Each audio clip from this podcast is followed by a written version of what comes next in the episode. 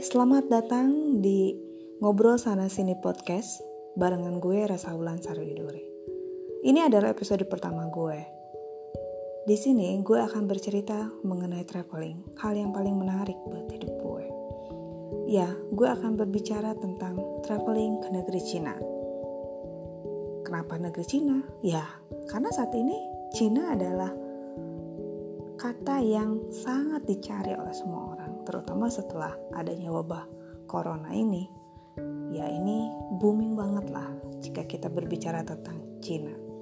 Oke okay, uh, eh, gue akan berbagi cerita tentang pengalaman gue selama gue traveling ke Cina which is ya gue dua kali ke Cina sekitar tahun 2016 dan kalau tidak salah tahun 2018 nah apa sih yang menarik pada saat kita memutuskan untuk traveling. Sebenarnya traveling itu bukan sekedar lu jalan-jalan lu foto-foto lu submit kemudian lu bagikan foto-foto lu di dalam Instagram gitu. Menurut gue traveling itu lebih luas maknanya. Dari traveling gue banyak belajar tentang uh, survival. Yes karena gue adalah seorang travel mandiri penganut travel mandiri bukan travel yang menggunakan third party ya dibilang solo traveler ya gue nggak mau sih kata itu terlalu berat buat gue. Nah selain itu ya gue bisa juga berbagi cerita tentang country kita Indonesia pada saat gue travel. Selain itu gue bisa banyak belajar tentang budaya suatu negara. Pokoknya ini adalah hal yang paling menarik menurut gue. Nah kenapa juga ke Cina sebenarnya uh, pada saat gue sempet googling bagaimana travel ke China gitu ternyata untuk beberapa hal testing to do gitu pada saat lo googling itu menarik karena uh, kita akan melihat listnya banyak sekali di situ.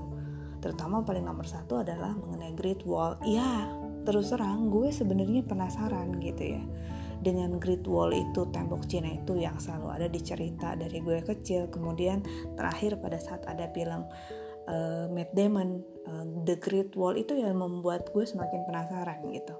Cuma di luar itu ya gue sebenarnya penasaran dengan ada suatu negara yang sangat besar kemudian penduduknya sangat banyak culture-nya juga bermacam-macam. Gue pengen tahu sih sebenarnya seperti apa sih country itu gitu Nah itu sih yang melatar belakangi kenapa gue pengen ke situ. Nah uh, tapi sesudah gue googling mengenai tempat pariwisata yang memang kita harus tuju, ada hal yang lain lagi sebenarnya yang membuat gue mau nggak ya datang ke sana. Salah satunya adalah ternyata mengenai uh, kondisinya di sana, terutama culture-nya. Salah satu culture yang memang menurut kita adalah bad culture gitu ya. Ya based on dari salah satu blog yang gue baca dari salah satu narasumber traveler yang Hok Kondang gitu Trinity bahwa dia sendiri enggan untuk ke sana kalau misalnya memang nggak perlu-perlu banget. Kenapa sih gitu? Ternyata ya dia bercerita di situ bahwa negeri ini sangat jorok gitu loh. Budayanya orang-orang itu jorok sekali situ. Jadi lu istilahnya apa ya? Kita ngomong mungkin kalau lu ke toilet tuh lu akan bilang dari spooky toilet gitu. Dari spooky restroom like that one. Nah tapi balik lagi keinginan gue untuk datang ke sana secara langsung kemudian e, berkomunikasi dengan lokal person itu jauh lebih besar dibandingin hal-hal itu. Dan ya memang gue sebenarnya pada dasarnya adalah orang yang penasaran gitu ya. Jadi ya let it flow lah kita lihat aja. Mungkin ini akan jadi cerita buat gue akan jadi pengalaman dan ternyata betul gue bisa bagikan ini buat orang-orang buat teman-teman gue yang mungkin berencana akan ke sana. Bahkan mungkin kalian juga bisa cek di salah satu tulisan gue di Kompasiana. Gue sempat nulis ini mungkin sekitar 2 tahun lalu mengenai hal-hal yang perlu kita ketahui pada saat kita akan bepergian ke Tiongkok kalian mungkin bisa googling di Kompasiana lu lihat aja nama gue Rasa Seduri lu akan lihat salah satu artikel gue ini sebenarnya bagian dari artikel itu gue akan mencoba membahas tapi dalam bentuk lisan gitu oke sebenarnya apa sih yang perlu kita ketahui pada saat kita akan bepergian ke negeri Cina. Oke, the first, the first adalah mengenai bahasa. Yes, itu country komunis, tapi itu bisa besar banget ya sampai Donald Trump aja takut gitu loh ya. Bukan takut sih, mungkin berperang lah dengan China. Tapi lu bayangin, pada saat gue datang ke sana, ternyata di sana sangat sedikit sekali orang yang bisa berbahasa Inggris. Jadi semua tuh di sana menggunakan bahasa Mandarin. Namanya Pinyin kalau nggak salah. Jadi lu akan datang mulai dari uh, pada saat lu emigrasi itu wah gila semua bahasa Mandarin gitu. Pokoknya lu akan takjub lah. Bahasa Inggris mungkin hanya di beberapa tempat. Mungkin di mall ada atau mungkin di tempat turis itu adalah seperti uh, petunjuk arah dalam bahasa Inggris. Tapi selebihnya lu kalau ke restoran lu akan disuguhi menu dalam bentuk bahasa Mandarin gitu ya. Kalau ada gambarnya sih syukur, kalau enggak ya wassalam gitu. Nah, memang gue sebelumnya tahu mengenai hal ini. Tapi ya banyak sekali sih prepare yang bisa kita lakukan ya. Contohnya, ini adalah salah satu pengalaman gue pada saat gue pertama kali ke Cina gue ke Shenzhen saat itu Shenzhen itu berbatasan dengan Hong Kong ya. Nah uh, kebetulan bukan kebetulan sih gue nggak pernah bilang kebetulan. Karena saat itu gue bekerja di tempat yang salah satu temen gue itu ternyata ancestornya nenek moyangnya masih orang Chinese lah. Dia pinter bahasa Chinese memang dia orang Chinese gitu ya. Jadi akhirnya apa yang gue lakuin? Gue dikasih dong saat itu adalah satu bendel satu kamus dalam tulisan Mandarin yang ternyata itu sangat berguna sekali pada saat gue bepergian di sana. Ya lu tulislah di situ. Jadi kata-kata yang ada di dalam kamus itu terima kasih maaf kanan kiri eh, pintu keluar pintu masuk. Kemudian saya tersesat. Itu penting loh di saat lo tersesat lo akan bisa ngasih kamus itu ke orang lain at least ke polisi lah. Kemudian tentang makanan. Misalnya uh, gue mau makan nasi gue mau beli kopi gue mau minum teh seperti itu. Kemudian juga kalau misalnya lo tinggal di penginapan di manakah letak penginapan saya yang ini gitu. Nah itu sangat membantu sekali. Nah itu pertama kali gue ke Cina. The second time gue ke Cina temen gue kan udah tahu nih dari pengalaman gue. Dia berinisiatif yang menurut gue sangat smart next time mungkin gue akan undang salah satu temen gue itu. Dia bahkan mengeprint berserta dengan gambarnya. Lucu ya jadi kita tuh membawa kamus ada gambarnya. Jadi kalau misalnya gambar ayam ya itu ada gambar ayamnya. Jadi pada saat gue ke restoran gue bisa ngasih tahu gue mau makan ayam. Gue mau makan beef misalnya. Gue mau makan ikan kopi uh, teh itu ada. Terus yang paling penting misalnya gue nyari musola itu. Dan hal lain lagi yang sangat penting adalah misalnya mengenai makanan bahwa gue tidak makan daging babi itu ada juga di situ. Ya kita kasih gitu. Jadi ini sangat membantu sekali. Mungkin kalau sekarang kan udah ada Google Translate ya itu tuh bisa pakai voice lu nggak usah tulis-tulis lagi. Kalau lu memang bisa menggunakan internet lu bisa pakai Google Translate lu bisa menggunakan itu sebagai salah satu mediator pada saat lu berkomunikasi. Ini juga berguna karena gue menggunakan ini pada saat gue traveling ke Xi'an. Di kereta nih gue ketemu kan salah satu. Dia uh, seingat gue dia memang hendak bepergian dari uh, Beijing ke Xi'an. Nah, tapi dia smart nih. Jadi uh, dia menggunakan Google Translate pada saat berkomunikasi nih dengan gue. Jadi lucunya adalah gue berbicara dalam bahasa Inggris, dia berbicara dalam bahasa Cina, terus kita saling kasih-kasih lihat dong di Google Translate dan nyambung gitu. Ini juga kejadian pada saat traveling gue terakhir ke Turki. Jadi di tempat nginep gue gitu ya, gue kan tidur di dormi. Nah, gue bisa loh bercerita dengan orang Chinese yang tidak bisa bisa bahasa Inggris, tapi dia menggunakan Google Translate amazing sih teknologi itu sebenarnya. Gue sangat terbantu dengan adanya teknologi. Jadi bahasa ini bukan sebagai ancaman lah gue. Lu bisa gunain berbagai macam cara untuk berkomunikasi dengan di sana. Ya atau mentok-mentoknya adalah lu gunain bahasa tubuh. Ya karena itu bahasa yang universal juga menurut gue ya. Apalagi lu datang ke kantor yang gak bisa bahasa Inggris gitu kan. Lalu bisa gunain itu nah uh, itu mengenai bahasa. Jadi don't worry ya kalau misalnya tentang bahasa Inggris. Kedua mengenai uh, scam. Scam itu apa ya? Penipuan. Jadi perlu diketahui bahwa penipuan di negeri Cina ini sangat banyak sekali. Dan gue udah mengalaminya beberapa kali gitu ya. Even gue udah membaca literasi gitu ya, melihat referensi tetap aja sih penipuan itu tetap ada gitu. Yang gue ingat salah satunya adalah uh, pada saat gue akan ke Shenzhen di perbatasan Hong Kong. Jadi saat itu gue menggunakan uh, menggunakan kereta kereta yang akhirnya ada di perbatasan Hong Kong dan Shenzhen kota terakhir gue lupa apa namanya nah di saat itu gue kan keluar dong mau masuk ke imigrasi gitu.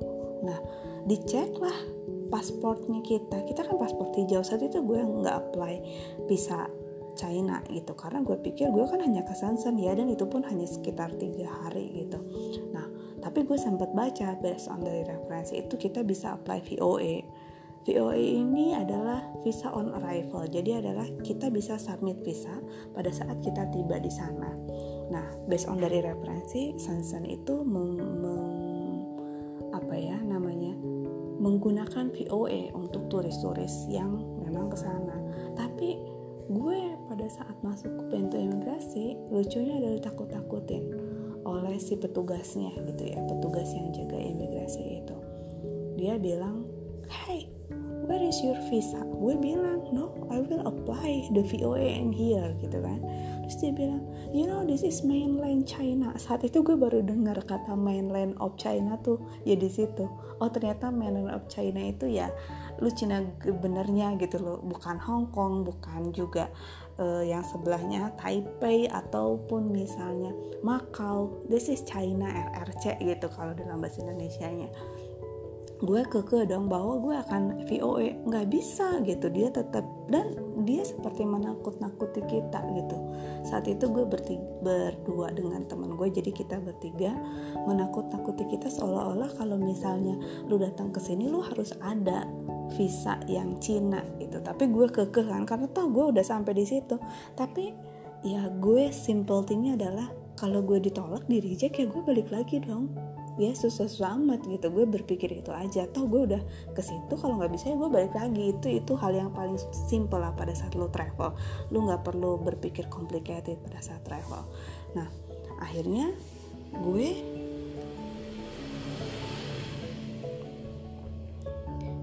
gue sama temen gue ini akhirnya baru bagi tugas dong. Temen gue masih nunggu di bawah saat itu. Based on dari referensi gue tahu VOA nya tempatnya tempat apply ada di lantai dua. Gue datanglah ke lantai dua. Akhirnya ternyata bisa. Kita hanya perlu isi formulir bayar. Saat itu rasanya nggak ada foto. Ya udah saat itu kita langsung dapat visa yang ditempel. Dan kita bebas kalau nggak salah sekitar 30 hari atau tujuh hari mungkin gue lupa. Gue bisa bebas uh, apa bebas uh, memasuki sansan gitu loh. Jadi ya lu jangan takut kalau lu punya referensi itu sih. Selain itu pengalaman gue yang lain yaitu pada saat gue di tembok Cina. Gue saat itu ingetnya adalah karena tembok Cina ini banyak sekali pintu masuknya rasanya gue udah masuk melewati si uh, apa pintu masuk yang menggunakan kendaraan umum. Tapi ternyata kan dari situ masih jauh dong. Nah akhirnya gue naik taksi lah gitu sama teman gue. Nah yang gue ingat saat itu si supir taksinya bilang bahwa dia akan uh, apa ya PP itu apa? Return return trip gitu loh ya. Jadi dia gue membayar sekian uh, yuan untuk uh, bolak-balik. Eh tapi lucunya men pada saat gue udah nyampe sana gue bilang nanti lu tunggu ya di sini gitu jam segini gitu ya. Saat itu kalau nggak salah siang mungkin jam 3 gue bilang lu tunggu di sini karena gue perlu balik lagi dong ke tempat yang pemberhentian terakhir uh, dari transportasi umum. Eh ternyata dia marah dong gitu lucunya dia marah seolah-olah gue salah gitu kan. Dan dia bekerja sama lah dengan orang yang ada di turis itu juga ya seperti guide-guide tour lah gitu. Tapi ya intinya adalah gue mau marah-marah gimana gue nggak ngerti bahasa mereka gitu kan. Akhirnya ya udahlah gue relain aja gitu ya. Tapi ya ternyata gue kena scam gitu. Kita cuma taunya oke okay, we are getting scam gitu ya. Tapi ya udahlah gitu. Tapi minimal pada saat lo seperti itu lo masih bisa lah kayak apa sih even kena scam juga yang nggak sampai scam scam banget gitu ya. Karena saat itu gue juga kena scam kena bayar jadinya lebih mahal tapi ya nggak harus gede-gede banget. Karena gue sempat baca-baca juga gitu berapa sih kisarannya gitu ya. Jadi ya be careful aja kalau misalnya memang banyak sekali scam penipuan-penipuan yang ada di eh, tempat-tempat uh, pariwisata terutama. Kemudian itu yang kedua yang ketiga, ini yang menarik. Yang menarik adalah mengenai internet. Jadi buat kalian-kalian nih yang seneng banget mengupload foto di Instagram, kemudian uh, di Facebook atau apa pun itu yang berbasis Google, no, nggak ada Google di Cina. Mungkin itulah yang membuat penduduk di sana sedikit tertutup menurut gue ya, sedikit konservatif. Tapi jangan khawatir, lu masih bisa gunain platform lain. Kalau nggak salah UC browser deh, dan lu bisa menggunakan aplikasi Bing. Memang sih tidak akan sebanyak uh, direktorinya dengan si Google, tapi at least lu masih bisa lah untuk menggoogle. Selain itu, kalau lu masih menggunakan WhatsApp, lu masih bisa. Tapi lu jangan berharap lu bisa lihat YouTube, Facebook ataupun yang lain, karena mereka tidak menggunakan itu. Terakhir gue ke Turki itu gue sempet bertemu dengan temen yang ada dari China. Saat itu dia nggak punya Instagram tapi uh, gue lupa ya mereka punya juga sih aplikasi sebesar mirip dengan Instagram tapi ya isinya orang-orang Cina. Entah ya namanya apa ya We bukan WeChat. Kalau WeChat itu similar dengan WhatsApp. Ini Weibo yes. Weibo jadi ini sama lu bisa bisa upload foto lu lu bisa komen seperti itu. Tapi ya bahasanya bahasa Mandarin lah. Kalau lu ngerti bahasa Mandarin oke okay lah lu bisa gunakan itu. Tapi uh, ya Instagram seperti itu mereka bisa tapi mereka perlu double lah untuk menambah sesuatu. Kalau kita mungkin kayak VPN lah. VPN untuk menambah sehingga mereka bisa masuk ke platformnya eh, Google. Ya kebanyakan orang-orang yang memang uh, internasional lah cakupannya yang menggunakan Google gitu. Tapi kalau misalnya lu ketemu sama orang lokal lu jangan harap lah gitu. Di penginapan pun nggak ada gitu. Terus itu don't worry sih lu masih bisa esensinya traveling itu sebenarnya bukan lu upload foto kemudian lu share saat itu juga kan. Lu masih bisa keep kemudian lu bagikan lagi nextnya kan. Ya karena sometimes kalau lu share hari ini ujung-ujungnya adalah kan di Indonesia ini seneng banget sih budayanya dengan uh, titip oleh-oleh dong. Akhirnya lu pada saat ngupload ngupload foto ya lu dimintain oleh-oleh gitu kan. Ya it's fine lah kalau misalnya lu memang punya waktu dan budget untuk nyari itu. Tapi kalau misalnya enggak ya lebih baik lu skip kemudian lu bisa upload lu bisa share nanti lah next lah uh, setelah lu selesai travelingnya gitu. Ya hmm, biar lu enjoy lah menikmati traveling di sana. Oke itu yang ketiga. Yang keempat adalah mengenai ini budaya joroknya mereka habitnya itu habit banget gitu ya. Sebenarnya gue nggak heran sih pada saat virus corona ini datang ke Cina. Kenapa? Karena e, menurut gue orang-orang di sana ini tidak terlalu concern dengan kebersihan. Jadi kalau lu misalnya mau ke toilet umum gitu lu akan bisa mencium bau pesingnya itu sekitar 5 meter lah jadi lu jangan takut misalnya gue nggak akan ketemu toilet umum. Hey lu gak akan nemu tapi lu akan mencium baunya dari 5 meter. Jadi ya itu membantu nggak membantu sih gitu. Tapi ini adalah hal yang jadi concern juga sih pada saat gue hendak ke uh, China gue sempet tanya ke temen gue yang di Hong Kong gitu ya teman kerja gue uh, perusahaan tempat gue bekerja saat itu kan multinasional nih kita punya perwakilan di Hong Kong. Dia sempet gue sempat nanya hey bro gimana ya? Apa sih hal-hal yang perlu gue alert nih pada saat gue ke China? Dia bilang ah, kalau misalnya ke China lu usahakan katanya lu itu kalau misalnya pipis atau BAB ya di hotel katanya gitu. Karena di sana tuh di toilet umumnya tuh wah nggak banget deh nggak kayak gitu. Dan lu harus bayar lagi katanya. Udah nggak banget nggak bayar lagi rugi dong gitu. Tapi ya memang gue usahain. Pagi-pagi nih kita udah istilah kata kita udah store gitu.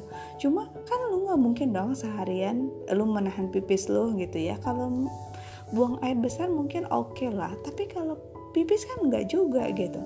Ya mau nggak mau dong lu akan pipis di tempat umum gitu. Ya ya tips dari gue sih ini gitu ya based on dari pengalaman gue.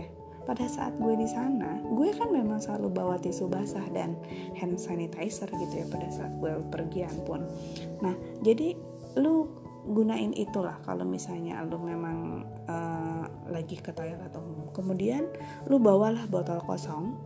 Fungsinya buat apa sih? Buat lu isi air. Kenapa? Karena di sana gue perhatiin itu orang-orang sebenarnya toiletnya ada flashnya tapi rasanya mereka males untuk menggunakan flash itu.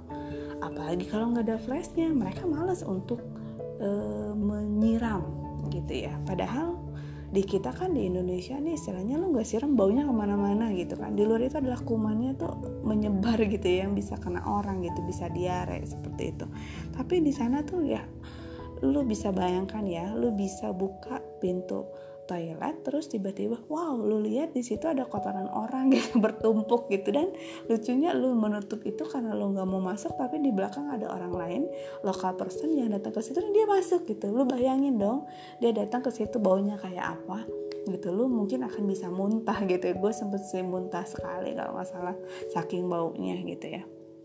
Terus ya mereka nggak siram. Kalaupun misalnya mereka nggak ada apa-apa di dalam toilet ya tetap aja sih gitu karena nggak disiram ya baunya bau pesing gimana sih? Ya tapi pada saat gue perhatiin sih memang mereka kayaknya nggak mau untuk menggunakan flash itu. Gue nggak tahu mereka nggak punya waktu atau apa. Karena gue perhatiin mereka masuk kamar mandi itu hanya sekitar 30 detik setengah menit atau paling lama semenit gitu ya. Gue nggak tahu deh mereka jangan-jangan pipisnya sambil berdiri untuk cewek-cewek ya. Kalau cowok oke okay lah emang berdiri tapi cewek-cewek gitu. Gue nggak tahu lah. Tapi ya lu pakailah si uh, apa uh, botol kosong lu untuk lu gunain pada saat lu di ke toilet gitu. Terus sudah itu yang yang memang jadi concern itu adalah pada saat sesudah dari toilet kan kita biasanya cuci tangan nih tapi mereka enggak. Kenapa? Gue nggak tahu. Tapi based on dari informasi teman gue ini yang memang uh, nenek moyangnya dari sana katanya mereka percaya bahwa pertama bahwa kalau kotoran ya kotor harus dibuang. Tapi nggak disiram itu katanya. Makanya itu nggak disiram itu kotoran. Karena mereka berpikirnya berpendapat berkeyakinan itu kotoran ya gue cukup buang aja. Tapi nggak dibersihin gitu. Kedua kalau menggunakan sabun sabun itu bisa menyebabkan tangan jadi kering. Yaitu kan kandungannya ya gitu. Tapi kan sekarang dunia udah modern ya rasanya banyak kok sabun-sabun cuci tangan yang tidak membuat kulit lu kering gitu kan. Nah itulah yang gue tahu sedikit gitu tentang tentang kenapa mereka budayanya adalah itu gitu. Nah tapi mungkin uh, ini jadi perhatian juga concern ya pada saat lo lihat mereka nggak cuci tangan atau apa pun itu ya mungkin kalau buat gue orangnya yang memang sedikit agak uh, jorok-jorok geli lihat yang jorok-jorok ya gue mencoba mengakomodir itu dengan ya gue bawa hand sanitizer, gue bawa tisu basah gitu kan. Ya untuk itu aja sih untuk menjaga kebersihan gue. Terus kalau misalnya uh, karena based on dari pengalaman nih pengalaman gue di Sensen saat itu adalah sempat kita makan menggunakan piringnya dari restoran tapi sesudah kita keluar dari restoran itu saat itu kan kita ke toilet eh gue lihat dong itu petugas restorannya nyuci mangkok-mangkok di dalam toilet di wastafel toilet tanpa menggunakan sabun. Ah gila. Kita semua kaget dong.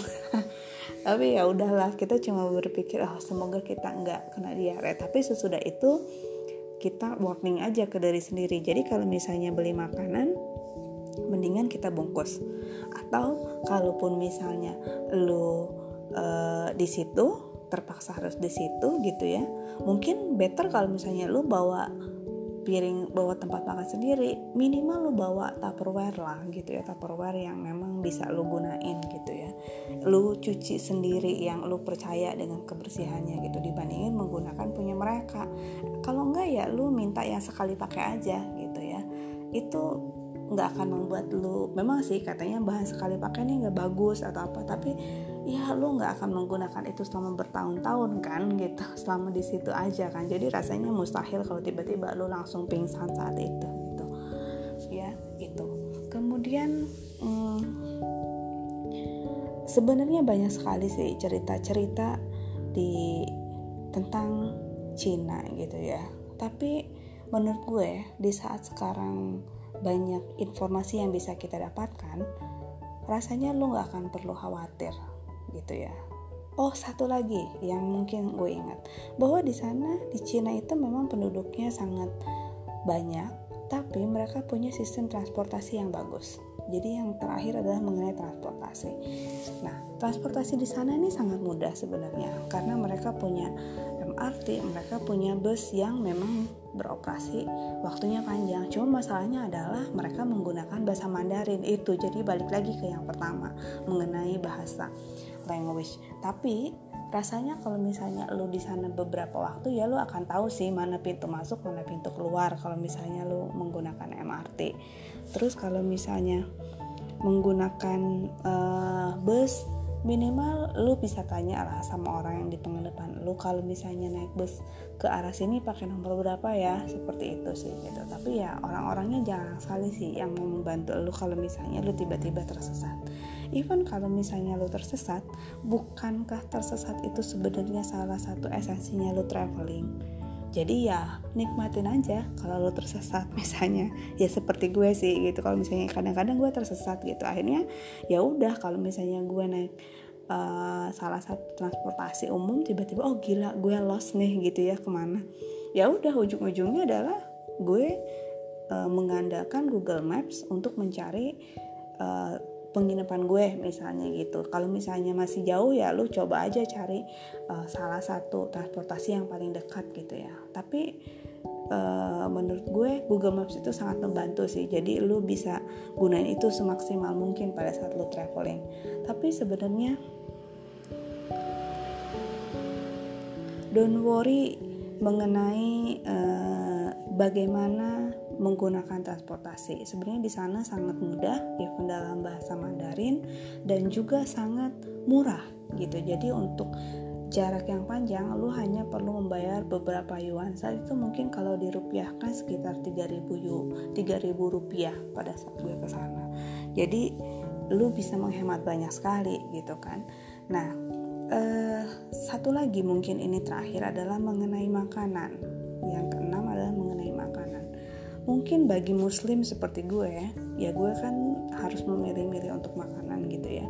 Nah karena beberapa toko atau restoran menggunakan bahasa Mandarin minimal kalau misalnya lu bertemu dengan uh, salah satu restoran yang uh, menunya bahasa Mandarin lu bisa gunain bahasa tangan bahwa lu tidak makan daging babi. Atau ya lu bisa gunain sih trik gue. Jadi kalau misalnya uh, daging babi itu churro gitu. Jadi lu bilang aja no churro gitu. Atau kalau enggak lu gunain bahasa tubuh misalnya lu bentuklah hidung lu tangan lu seperti babi. Ngok ngok ngerti lah mereka bahwa oke okay, lu nggak akan makan makan daging babi. Atau kalau misalnya lu pakai kerudung ya lu pasti akan mereka pasti akan ngerti sih bahwa lu tidak akan mengkonsumsi daging itu gitu ya Uh, tapi berdasarkan pengalaman gue terakhir pada saat gue ke Shanghai dan Beijing saat.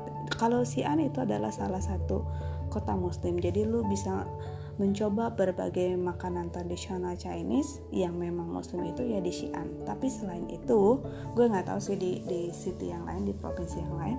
Tapi kalau di Shanghai ataupun di uh, Beijing, lu masih bisa menemukan restoran-restoran yang memang halal kalau enggak ya minimal minimalnya lu makanlah dengan kebab gitu ya. Karena kebab itu kan sebenarnya daging domba yang kebanyakan memang dijual oleh orang-orang Turki gitu kan.